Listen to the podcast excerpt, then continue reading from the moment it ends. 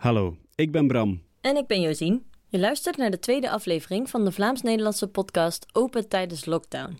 Vier afleveringen lang gaan we op zoek naar de beste en meest verrassende verhalen van ondernemers uit Vlaanderen en Nederland die hun zaak moesten heruitvinden toen de grenzen dichtgingen door de coronacrisis. Midden maart ging West-Europa in lockdown en dat heeft alles op zijn grondvesten doen daveren.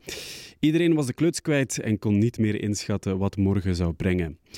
De lockdown heeft ondernemers twee opties gegeven. We wachten tot alles overwaait of we zoeken nieuwe manieren om te ondernemen. Never waste a good crisis, zei de Britse premier Winston Churchill ooit. En hij benadrukte daarmee dat de Verenigde Naties er zonder de Tweede Wereldoorlog nooit waren gekomen. Die manier van denken vinden wij ook interessant. De coronacrisis is een oorlog met een onzichtbare vijand die we elke dag beter leren inschatten. Wij gaan stilstaan bij de tragedie van de voorbije maanden, maar ook voorbij de ellende kijken. Op zoek naar alle creativiteit en weerbaarheid die hieruit zijn ontstaan. We gaan kijken naar hoe ondernemers in Vlaanderen en Nederland de grens hebben overwonnen toen die enkele maanden dichtging. Concreet gaan we dit onderzoeken in vier sectoren: retail, cultuur, horeca en IT. Deze aflevering verkennen we de cultuursector. En daarvoor hebben we twee gidsen. De eerste is Caspar Veldkamp. Ik ben Caspar Veldkamp, ik ben de tijdelijk zaakgelastigde. Uh, dat betekent dat ik een waarnemend ambassadeur ben van Nederland en in België. En uh, wat houdt dat in? Dat houdt in dat ik uh, zorg voor de formele betrekkingen tussen de Nederlandse en de Belgische regering. Uh, maar uiteraard, ik help ook de belangen van bedrijven te behartigen. kijk naar waar maatschappelijke organisaties uit Nederland en België aan elkaar kunnen worden gekoppeld. werk met culturele instellingen, maar ook zeker met individuele burgers. Als die door het sluiten van grensmaatregelen, bijvoorbeeld sluiten van grenzen, stranden. Uh, en daar moeten we ook uh, uh, voor Nederlandse burgers ons dan voor inzetten. En onze tweede gids is Joop Daalmeijer. Ja, ik ben Joop Daalmeijer. Ik ben al ruim met pensioen. Ik ben journalist. Ik heb jarenlang bij de publieke omroep gewerkt en geëindigd daar als algemeen directeur van de NTR. En na mijn pensionering ben ik vijf jaar voorzitter geweest van de Raad voor Cultuur. En de Raad voor Cultuur is het adviesorgaan van de minister en de Eerste en Tweede Kamer op het gebied van kunst en cultuur. En de Raad van Cultuur adviseert over de besteding van de cultuurgelden binnen de Rijksbegroting. Ik denk dat we het niet beter konden treffen. Joop en Casper zijn de perfecte gidsen om ons een bredere kijk te geven op de impact van de coronacrisis in de cultuursector. Zullen we beginnen? Let's go!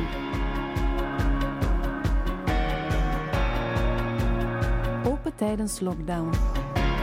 Creatief ondernemen over de grens heen.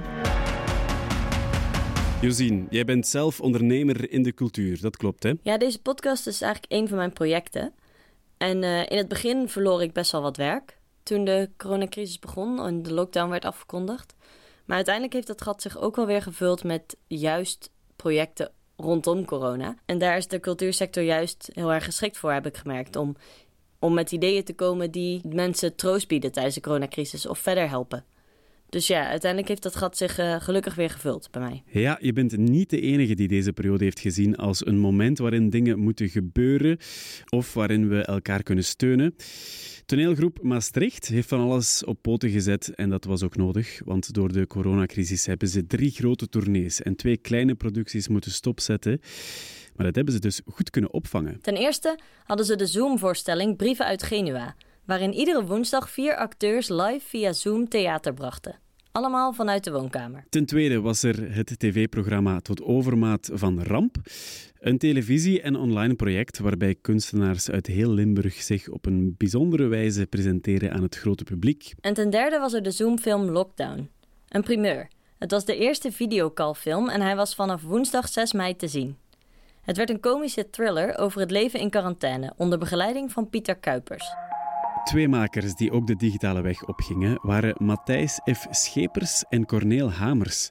Zij maakten een WhatsApp-voorstelling genaamd Emmy en Leo. Het is best cool eigenlijk, want je kocht een ticketje voor de voorstelling en dan kreeg je vanaf 13 mei overdag of s'nachts de berichten te zien tussen Emmy en Leo via WhatsApp. En dan kon je zo hun verhaal volgen. Het enige wat ik soms miste was het napraten na zo'n voorstelling. Maar dat werd wel wat goed gemaakt, wat opgevangen door een Facebookgroep waar je dan met de acteurs kon praten. Goed. We vroegen ons af hoe de cultuurondernemers in Vlaanderen en Nederland de lockdown hebben beleefd en hoe ze er het beste van gemaakt hebben. Om te beginnen, terug naar de grensstreek. Allemaal rust, hè? Dus, ehm, rust.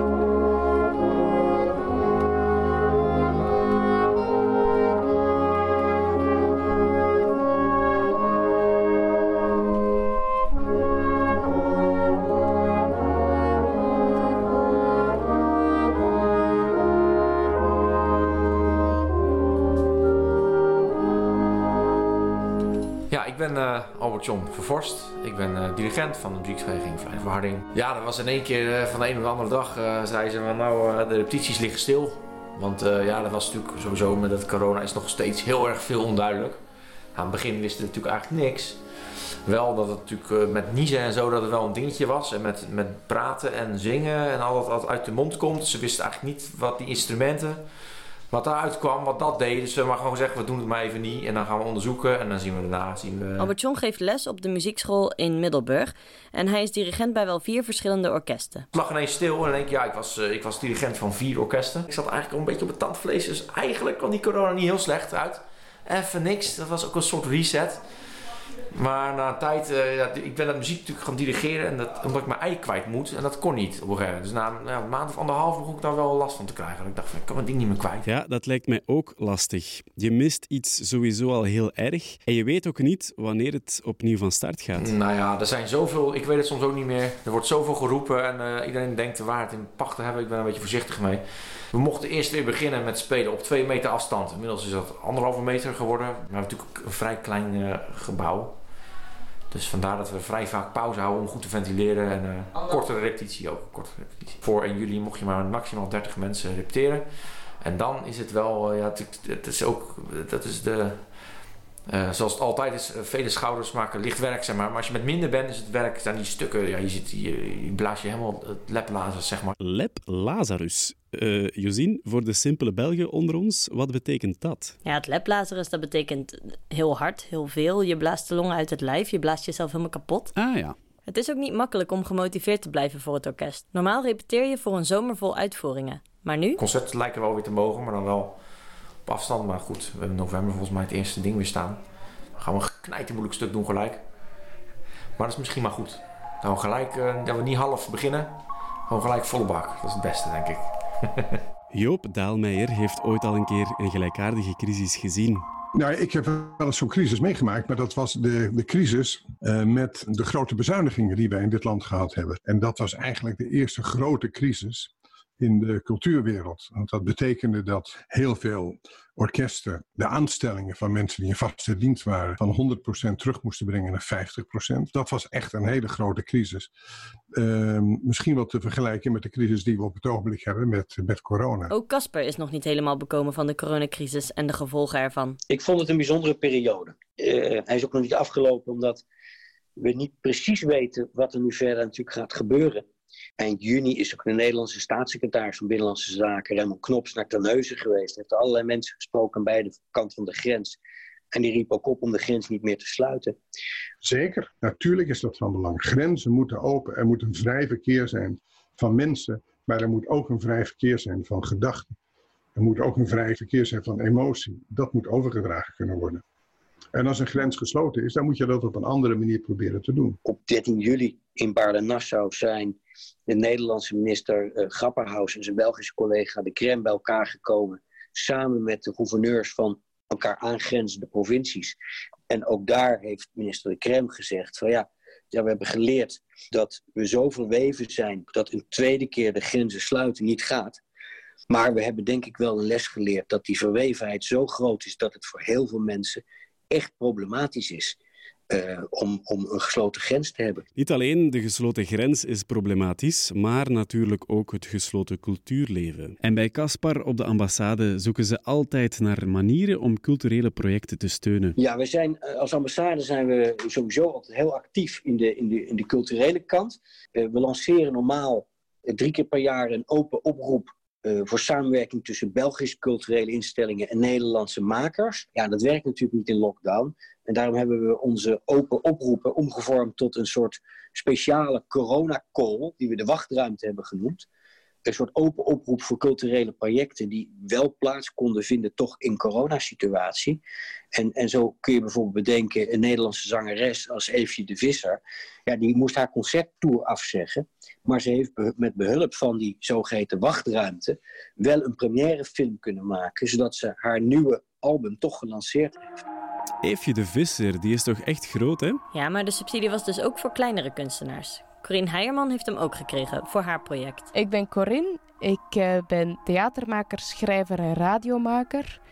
Ik werk in Nederland. Ik woon ook in Nederland. En ik ben afkomstig van Antwerpen. Dat is het. Corine schrok behoorlijk toen de crisis begon. Ja. Uh, toen brokkelde zo alles af. En dat was eerst een beetje paniek. En dacht ik, ja, gaan we dan ooit nog eens naar theater. Uh, heeft mijn werk wel nog zin als dit allemaal voorbij is? kwamen hele uh, doemscenario's voorbij. Ja, ik werkte op dat moment in theater aan een voorstelling. Dat, uh, dat ging niet door. Uh, ik werk ook in scholen, in middelbare scholen geef ik vaak workshops. Die werden ook allemaal afgezegd. Zo was eigenlijk plots alles. Behalve dat ik aan een roman aan het schrijven ben en daar plots veel tijd voor had. Maar dat was ook heel moeilijk om dat dan plots om te schakelen. Omdat er iets, ja, er staat een wereld in brand en dan gaat jij ja, lekker schrijven. Dat is een raar idee. Schrijven voelde dus niet zo goed aan voor Corinne. Maar ze is wel niet blijven stilzitten. Ja, en toen heb ik dus zelf ook iets opgezet uh, in een klein hoekje. Eigenlijk was dat niet echt per se meteen om, oh, daar ga ik geld mee verdienen. Maar meer, ik, wil, ik zie om mij heen dat heel veel mensen tijd hebben, dat een tijd is van reflectie, dat veel mensen dingen terug ontdekken, terug waarderen. En ik wil daar iets mee doen. Ik heb een oproep gelanceerd en gevraagd aan mensen om hun herontdekking met mij te delen in een beeld of in een tekst. Nu ben ik benieuwd. Wat is het dan geworden, Corinne? Ja, alle tekstjes staan eigenlijk onder elkaar. Het is een, een gek draaiorgeltje geworden dat uh, mijn partner Tim uh, heeft gemaakt met de 3D-printer. Uh, wat ook al voor mij is ook een beetje zo de ondernemer zonder werk, die zich dan maar op iets heel ingenieus stort, uren daarmee bezig is geweest. Dat is echt niet normaal. Maar ja, hij werkt normaal voor festivals, dus hij had geen werk. Dus uh, ja, hebben we dit gedaan.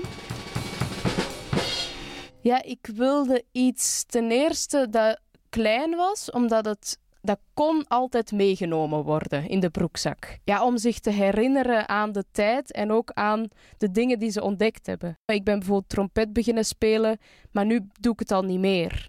Dus dat is heel jammer. Uh, dus eigenlijk, uh, ja, dat is een beetje misschien ook voor mijzelf een stok achter de deur om, uh, om die dingen te herinneren. Al die teksten heeft ze onder elkaar afgedrukt op een lang vel papier. Er staan geen auteurs bij, dus het is net of het een lange monoloog is van ervaringen die gewoon door blijft lopen alsof het een collectieve ervaring is. Daarvoor paste misschien ook wel die subsidie goed bij ons, omdat dit gaat ook over de grenzen heen. Er staan veel Belgen in, er staan veel Nederlanders in. Dat loopt gewoon door elkaar zonder dat daar aandacht aan wordt besteed. Je kunt uit niemand afleiden of dat dan nu een Belg is of een Nederlander, maar ze zitten er wel alle twee in.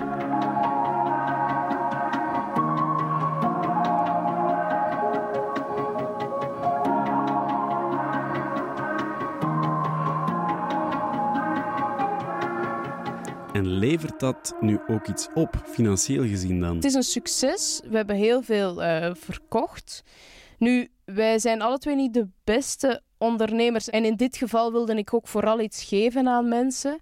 Dus ik wilde het niet te duur maken. Dus ik heb gekozen om het maar 5 euro uh, te laten zijn. Dus als we uh, het gewoon verkochten en zelf maakten, verdienden we niks. Zouden we zelfs misschien nog verlies maken.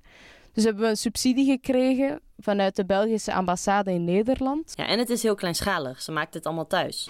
In de keuken en de woonkamer. Overal liggen scharen en liggen nijptangen voor, uh, voor, het voor de ijzerdraad en ligt ijzerdraad en uh, plastic onderdelen, want de boekjes zijn gemaakt uit onderdelen, dus die, uh, die steken we dan nog in elkaar. Uh, de printer staat daar ook de hele tijd te draaien. Die maakt ook een heel gezellig geluid. Maar het is het waard omdat ze iets maakt waar anderen wat aan hebben. En ik denk ook wel dat, dat we juist nu heel belangrijk zijn als kunstenaars. Dat is misschien een, een, een enorm cliché, maar toch ergens waar. En heb je het als Belg nog moeilijk gehad met die grenssluiting? Voor mij persoonlijk was dat het allerergste, die grenssluiting. Ik, ik kon niet meer naar mijn eigen land. En dat was een beetje de afspraak dat ik in Eindhoven ben komen wonen, omdat ik elk moment terug naar België kon. Volgens mij is ze als ondernemer wel blij dat ze in Nederland zat. Ja, ik heb hier eigenlijk toch nog wel het gevoel dat juist. Uh, dat er toch ergens een gevoel hangt van ja. Jullie zijn toch wel belangrijk. Open tijdens lockdown. Kaspar, vraag je. Hoe zorg je ervoor, vanuit de politiek dan, dat Vlaanderen en Nederland niet vervreemden van elkaar tijdens zo'n crisis met gesloten grenzen? Ik denk dat we uh, meer aandacht moeten besteden dan er is gebeurd aan de beeldvorming. Beeld dat uh, in de Nederlandse provincie Noord-Brabant uh, daadwerkelijk een haard was, maar ook het beeld dat Nederland onvoldoende straffe maatregelen nam om het aan te pakken. Ik merkte gewoon ook zelfs in Brussel, maar ook in, in plaatsen in Vlaanderen, als ik zei ik kom uit Nederland. Ik hoefde niet te, te zeggen wat, wat mijn functie was. Ik zei ik kom uit Nederland, zeiden mensen in maart, eind maart, maar al heel snel, oh Nederland, dat is gevaarlijk hè, en jullie zijn heel laks in de maatregelen. Maar dat beeld klopt op dat moment al lang niet meer. Maar het, het feit dat dat beeld inmiddels was ontstaan, uh, maakt, het soms, uh, maakt het soms heel lastig. En ik, dat is iets waar we aandacht aan moeten, moeten besteden, ja. Ja, dat klinkt logisch. Ook de ambassade moest zichzelf heruitvinden om de culturele missie uit te kunnen oefenen. Het eerste is, ga erop af, ga er naartoe, ga zelf kijken en zorg dat je een blik hebt. Uh, waardoor je een beeld hebt van wat er op de grond gebeurt. Het tweede is, ja, haal het beste uit je team. je hebt zoveel expertise vaak al in een team. En dat is wel interessant soms zijn dat mensen die eigenlijk normaal gesproken in de verdediging van je team staan, die ineens in de spits komen te staan.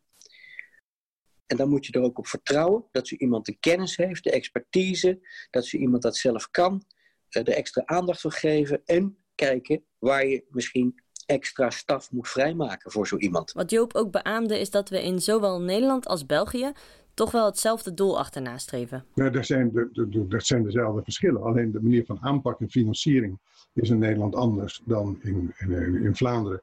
Maar wij zijn inderdaad misschien in Nederland een beetje laks geweest in het begin. Maar daarna hadden we die intelligente lockdown. Maar ja, toen werd het mooi weer. En dan gaan mensen weer op de terrassen zitten, dicht bij elkaar. En dan zie je langzaam dat dat weer opkomt. De versoepelingen die we zagen door het mooie weer, betekenden ook versoepelingen in de cultuursector. Uh, toen mochten er bijvoorbeeld 30 mensen naar een concert. En op het podium zat een heel klein ensemble, want ook een orkest kan daar niet zitten. Die ruime mate uit elkaar zetten. Dat is voor muzici ook moeilijk, want muzici moeten elkaar horen. Uh, welke ritmes ze hebben, of ze met de juiste volume op hun snaren drukken. Uh, ik zie het met dichters die bijvoorbeeld in een eentje op een stoel zitten in een tuin met twintig mensen daaromheen. En dan gedichten voorlezen en dan betaalt iedereen 10, 15 euro. Het is bijvoorbeeld in Nederland een ontzettend leuk ensemble. Uh, dat heet Appeltaartconcerten. En dat zijn klassieke muzici die een klein ensemble vormen. En die gaan er langs in bejaardentehuizen, die gaan langs in gevangenissen, en die gaan bij TBS'ers langs. En uh, die mensen hebben gewoon filmpjes gemaakt, video's gemaakt. En die hebben ze gestuurd naar die tehuizen. Ja, dat vind ik heel goed. Maar wat je dan mist, is de ervaring van naast elkaar zitten. Naast elkaar luisteren naar muziek. Geëmotioneerd raken door muziek. En dat je ziet dat je buurman of je buurvrouw in tranen is om iets moois wat ze voor een, door een zanger of zangeres Dat mis je natuurlijk. Er is iemand die de oplossing ook digitaal is gaan zoeken maar die toch de saamhorigheid heeft weten te bewaren. Ja, klopt. In opdracht van Vlaams-Nederlands Huis de Buren heeft Matthijs een heel interessant project gelanceerd. Mijn naam is Matthijs de Ridder en ik uh, ben schrijver. En ik ben uh, al een tijdje bezig aan de biografie van Paul van Ostaaien. En mijn vorige boek ging over Charlie Chaplin. Die heet De Eeuw van Charlie Chaplin. Matthijs was op tournee met het Nederlands Blazers Ensemble toen de laatste twee concerten werden afgelast. Ja, ik zat in een bepaald troosteloos hotel aan de ring van Amsterdam. Ik had allemaal eh, dingen bij me en dat moest allemaal terug naar de uitgeverij. En de uitgeverij was natuurlijk ondertussen ook weer dicht. Dus ik was ik had gewoon geluk dat er nog iemand was die die dozen dan weer kon aannemen. Dus het was een, uh, ja, een, raar, een raar moment. Dus Matthijs ruimt de zaak op levert de boeken in en keert terug naar Antwerpen. En toen we daar waren, kreeg ik een sms van Willem Bongersdek van De Buren. Mijn naam is Willem Bongersdek en ik ben directeur van het Vlaams-Nederlands Huis De Buren. Uh, waarin heel simpel stond... Maken we samen de podcastreeks Besmette Stad? En toen zei ik... Wacht, even voor de luisteraars die dit niet weten. Wat is De Buren? Vlaams-Nederlands Huis De Buren is een huis voor debat en cultuur. Wij zijn actief in heel Vlaanderen en Nederland en wij organiseren debatten, uh, culturele evenementen en ook in toenemende mate digitale producties. Uh, een van de bekendste en jongste is, is radioboeken. Dat zijn verhalen die je altijd en overal kunt beluisteren, maar nooit kunt lezen. En verder, zeker sinds uh, de crisis uitgebroken is, oriënteren we ons sterk online. Dus wij waren altijd een huis dat mensen fysiek samenbracht. En meer en meer brengen wij mensen ook digitaal samen. Oké. Okay. Dus Willem van de Buren sms'te Matthijs een woordgrap en hij zei... Goeie grap. Haha. En daarna zei ik... Uh, Geen slecht idee overigens. Ja, de woordgrap is natuurlijk meteen duidelijk. Hè? Van bezette stad, kleine stap naar besmette stad. Oh ja, en dit is misschien ook nog wel handig om te weten. 100 jaar geleden schreef de Antwerpse auteur Paul van Ostaaien een bundel, Bezette stad. En in die bundel beschrijft hij hoe hij omging met de Eerste Wereldoorlog in radicaal vernieuwende verzen. Je volgt zijn ervaringen in die bezette stad, maar je volgt ook zijn hoop, de manier waarop hij naar de toekomst kijkt, de manier waarop hij denkt dat hij uit die crisis kan komen. En dat was eigenlijk een, een aanleiding voor ons om te bedenken, hoe kunnen we nu dat, dat, dat 100 jaar oude icoon gebruiken als lens om te kijken naar de crisis vandaag. Je woont al heel lang in een stad die ineens heel anders eruit ziet. En dat is ook een heel groot deel van wat Van Ostaaien doet in bezette stad. Ja, wij, konden ons voor het eerst voorstellen wat het is om niet in volledige vrijheid te, kunnen opereren en om zo'n stad te beleven in een heel andere context. Welkom allemaal in het Leesatelier Bezette Stad, aflevering 11 alweer. Ja, we gaan vandaag lezen het elfde gedicht, namelijk Stad Stilleven. Besmette Stad is een multidisciplinair eh, kunstproject waarin eh, kunstenaars uit Nederland en Vlaanderen uh, vaak in samenwerking nadenken over wat ons is overkomen tijdens de coronacrisis. Um, met inbegrip van uh, de ideeën over hoe het na de coronacrisis zou kunnen gaan. En dat allemaal geïnspireerd op de bundel die Paul van Ostaaien 100 jaar geleden schreef. En hoe werd het project uitgewerkt dan? Wat we gedaan hebben is, we hebben een virtuele stad gebouwd. Te vinden via besmettestad.eu. En daar zie je een door Dieter de Schutter getekende kaart. En als je naar de wijken in die stad gaat, dan zul je zien dat die bundel zich in die wijken afspeelt. Dus er zijn korte video's met de leesateliers. Er zijn lange video's met de afleveringen van meer dan een uur. Voor de mensen die echt precies willen weten wat er in het gedicht staat. En belangrijker natuurlijk, de artistieke antwoorden zijn. We hebben de kunstenaars uitgedaagd om Paul van Ostaaien als vertrekpunt te nemen in hun eigen artistieke praktijk. En wat je dus vindt op die website zijn gedichten, zijn nieuwe liedjes, zijn tekeningen die op de een of andere manier verband houden met de bundel en met de coronacrisis. We hebben steeds de artiesten die we uitnodigden gevraagd: lijkt het je interessant om samen te werken? Met iemand over de grens, iemand die je waarschijnlijk niet kent, die actief is in een ander genre, maar waar wij van denken dat zou wel eens kunnen werken, daar zou je iets mee kunnen doen. En veel kunstenaars zijn daarop ingegaan. Dus veel van de kunstwerken die je nu vindt via de website zijn gemaakt door een nieuw Vlaams-Nederlands artistiek duo. Maar het ging toch een podcast worden? Ja, dus het eerste idee was inderdaad, laten we een podcast maken. Um, maar toen we met elkaar gingen praten, en, en ja, Bezette Stad is voor ons iets dat we heel goed kenden. Maar we konden en wilden er ook niet van uitgaan dat dat voor alle kunstenaars uh, gold. En daar hebben we het woord leesatelier voor uh, bedacht. Dat is eigenlijk een soort van kruising tussen een leesclub en een uh, stamkroeg. uh, maar dat zijn, dat zijn geweldige bijeenkomsten geweest. Ook al omdat iedereen opgesloten zat in zijn huis. En dan elke avond, hè, als we dan zo'n week hadden belegd, dan gingen we elke avond een gedicht lezen. Stad, stilleven. Stad, stilleven. Laatste vignet van een prentenblad. Bijvoorbeeld alle vignetten licht. Rood, rosa, geel, koningsblauw. De laatste vignet staat een zware klomp zwart of donker. Irisgroen toont snelle val in een vervuild oxidegroen. Beweegloos verstart laatste vignet. De tekst daaronder vertelt verlaten slot, boze feest, succes en heel de geschiedenis en al de blije kleuren boven. Pagen, jonkvrouwen, oranje en 1 cent praline. Maar daaruit is ook echt heel veel energie gekomen die ik van tevoren echt niet had kunnen uh, voorspellen. Dus ik ben zelf heel veel te weten gekomen over die bundel, wat ik nog niet wist. Uh, en er zijn ook gewoon ja, verhalen uit naar voren gekomen die uh, nu eigenlijk bijna heel binnenkort gaan resulteren in een boekje dat ik eigenlijk helemaal niet van plan was te gaan schrijven. Door meer te leren over de gedichtenbundel ziet Matthijs ook meer parallellen tussen vroeger en nu.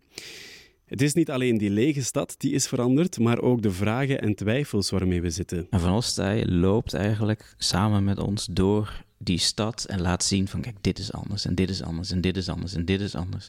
En daar zit een heel ja, interessant idee ook nog achter. Want Van Ostij laat aan de ene kant zien wat een verschrikking dat eigenlijk is, zo'n oorlog.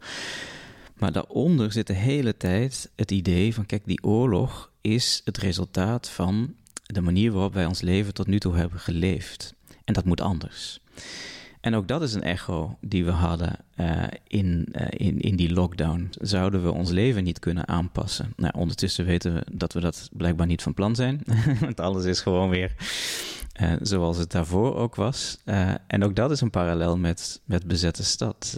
Van Ostaaije die kon wel hopen dat er iets ging veranderen na die Eerste Wereldoorlog. Maar zodra de vrede was getekend en uh, de oude machthebbers weer op het plush gingen zitten, was er ook echt helemaal niks veranderd. Dus je ziet een aantal heel duidelijke parallellen tussen toen en nu. Maar het was ook echt keihard werken. Vanaf het moment dat die leesateliers begonnen, had ik dus elke avond een sessie te begeleiden. En al heel snel kwamen de kunst, kunstwerken terug. De grote moeilijkheid waar we tegenaan liepen was vooral om het tempo uh, bij te benen. Dus het is, ja, het is altijd een soort van snelkookpan. Hè? Maar sommige dingen die worden ook wel gewoon lekker in een snelkookpan. Dat is best grensoverschrijdend ook, zo'n virtueel ding, toch? Het leuke hiervan is natuurlijk dat, dat iedereen ongeveer een, eenzelfde ervaring heeft gehad waar hij of zij ook maar woonde. Er waren natuurlijk wel verschillen tussen hoe het in Nederland en hoe het in, in Vlaanderen werd aangepakt. Maar ja, dat was eigenlijk dat is een marginale verschillen. Ik heb het idee dat mensen ook juist meer behoefte hadden aan cultuur de afgelopen maanden. Ja, tuurlijk, als de theaterzalen allemaal dicht zijn. Ja, ik bedoel ook als een soort duiding of troost. Op het moment dat je geconfronteerd wordt met een crisis die je niet had zien aankomen waarvan je eigenlijk ook niet goed weet hoe die zal verlopen. Dus even heel erg plat, op het moment dat er iemand overlijdt, dan hebben ze een gedicht nodig. Dat zijn ook weer de momenten waarop cultuur veel belangrijker wordt. De vraag, wat zijn we hier eigenlijk allemaal aan het doen met z'n allen, is een vraag die eigenlijk in elk kunstwerk wel op de een of andere manier vervat zit. En daarmee heb je, ja, zie je uh, in met de stad eigenlijk twee dingen gebeuren. Dus de mensen die hebben meegedaan in die leesateliers, die hadden daar heel veel aan, omdat dat het moment was op de dag waarop ze eventjes uh, heel erg intensief bezig konden gaan met een tekst die heel duidelijk heeft nagedacht over ja, zo'n soort crisismoment. En tegelijkertijd was het natuurlijk een soort van ontsnapping. Hè? Je zit de hele dag een beetje thuis of je gaat een keer naar de, naar de supermarkt en je probeert niet besmet te raken en je komt weer terug. En dan heb je aan het eind van de dag nog iets om naar uit te kijken. Dat, dat, dat uh, die functie had het ook wel. Iemand die we zo goed als altijd terugvonden in de leesateliers was Maarten Westra Hoeksema. Ik ben Maarten Westra Hoeksema. Ik woon in uh, België, maar ben van oorsprong Nederlander cabaretier. Dus ik schrijf en ik uh, treed op. Ja, het laatste half jaar natuurlijk een stuk minder. Maar de tournee begint eigenlijk nu weer voor mijn huidige programma Tired of Being Young. Het gaat eigenlijk over de struggles uh, met het volwassen worden naar de huidige maatstaven. Dus vrouw of man, baan, huis, kinderen dat soort dingen. Maarten hoorde via via over het project van Matthijs, de besmette stad. Ik vond het ten eerste, ik dacht, wow, die gaan, ik weet niet precies meer hoeveel het waren, maar het waren iets van 30. Die gaan 30 uur over besmette stad, bezette stad van Paul van Ostaaien praten. Dat kan toch, dat kan toch nooit interessant blijven. En toen dacht ik, ik volg één atelier en dat uh, bleek heel interessant te zijn. Het was eigenlijk een soort van uh, een soort Netflix, zo'n binge-watch waardige uh, leesateliers.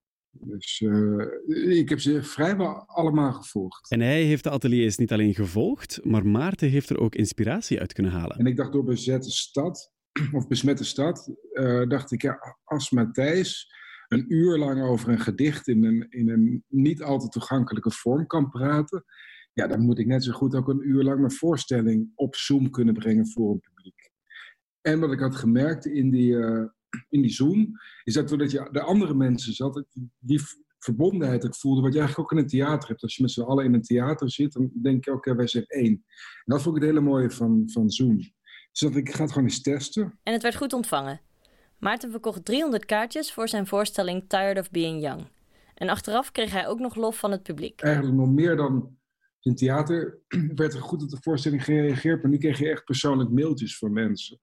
Dus uh, ik was kennelijk echt bij ze in de huiskamer geweest. Er waren ook op Instagram foto's van televisies waar ik dan op te zien was. Zeg maar, mensen van het leesatelier zijn nou komen kijken, of veel toch? Dus op die manier hebben we ook wel contacten gelegd. Ja, en heel veel mensen die, die ja, publiek dat, dat mij nog niet kende en me hierdoor kent. Ik heb nu laatst ik door Antwerpen. Toen uh, riep een meisje: hey, ik heb je gezien tijdens de corona-voorstelling. De voorstelling krijgt ook effectief een staartje in de niet-virtuele wereld. Digitaal is natuurlijk heel erg leuk. Maar uh, het theater is gewoon nog leuk, omdat je gewoon de, ja, het, het, hele ritueel hebt. Mijn voorstelling gaat nu weer de theaters in. Dus in Antwerpen gaat nu in het openluchttheater spelen. Dus er mogen nu 400 mensen in. Dus uh, ja, nu hoef je het niet meer digitaal te doen. Hij is blij dat zijn voorstelling fysiek verder gezet kan worden. Maar de Zoom-sessies hebben hem toch heel veel geleerd.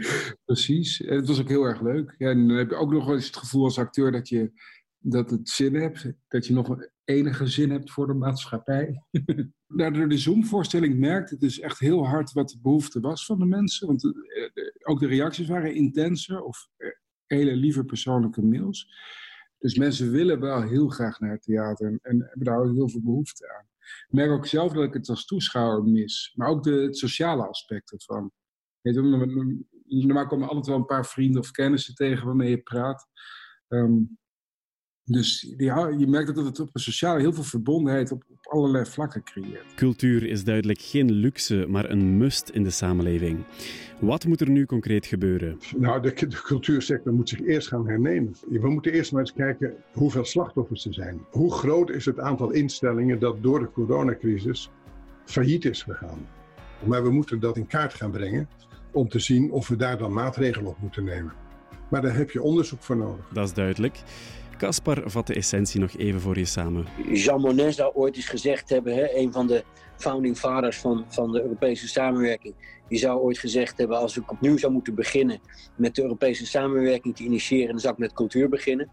En ik heb soms het idee dat juist in die culturele sector als eerste ideeën bovenkwamen om te kijken hoe je die coronasituatie en de vervreemding die dat vaak met zich meebracht, uh, hoe die te plaatsen, hoe die in ons leven een plek te geven.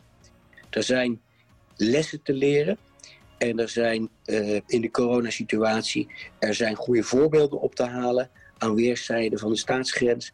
En, uh, en dat, dat moet je juist nu doen. En daar hoort de culturele sector als drager en als, als vector zeg maar, zeker, zeker bij. Zonder de cultuursector is de samenleving armoedig. En er wordt er niks meer wat ons verbindt alleen dingen die ons scheiden. Ja, mooi. Er zit misschien geen groot financieel gewin in de sector, maar wel veel vindingrijkheid. Online pionieren, verhalen verzamelen, een 3D-printer in je woonkamer zetten. En muziek maken natuurlijk. Wil je nog een stukje van het orkest horen? Heel graag. Nog eens een keer, begin.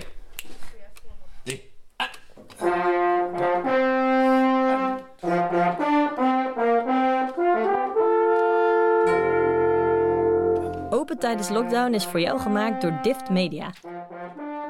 In opdracht van Vlaams-Nederlands Huis de Buren, de algemene afvaardiging van de Vlaamse regering in Nederland en de Nederlandse ambassade in Brussel. Je vindt alle info op www.deburen.eu.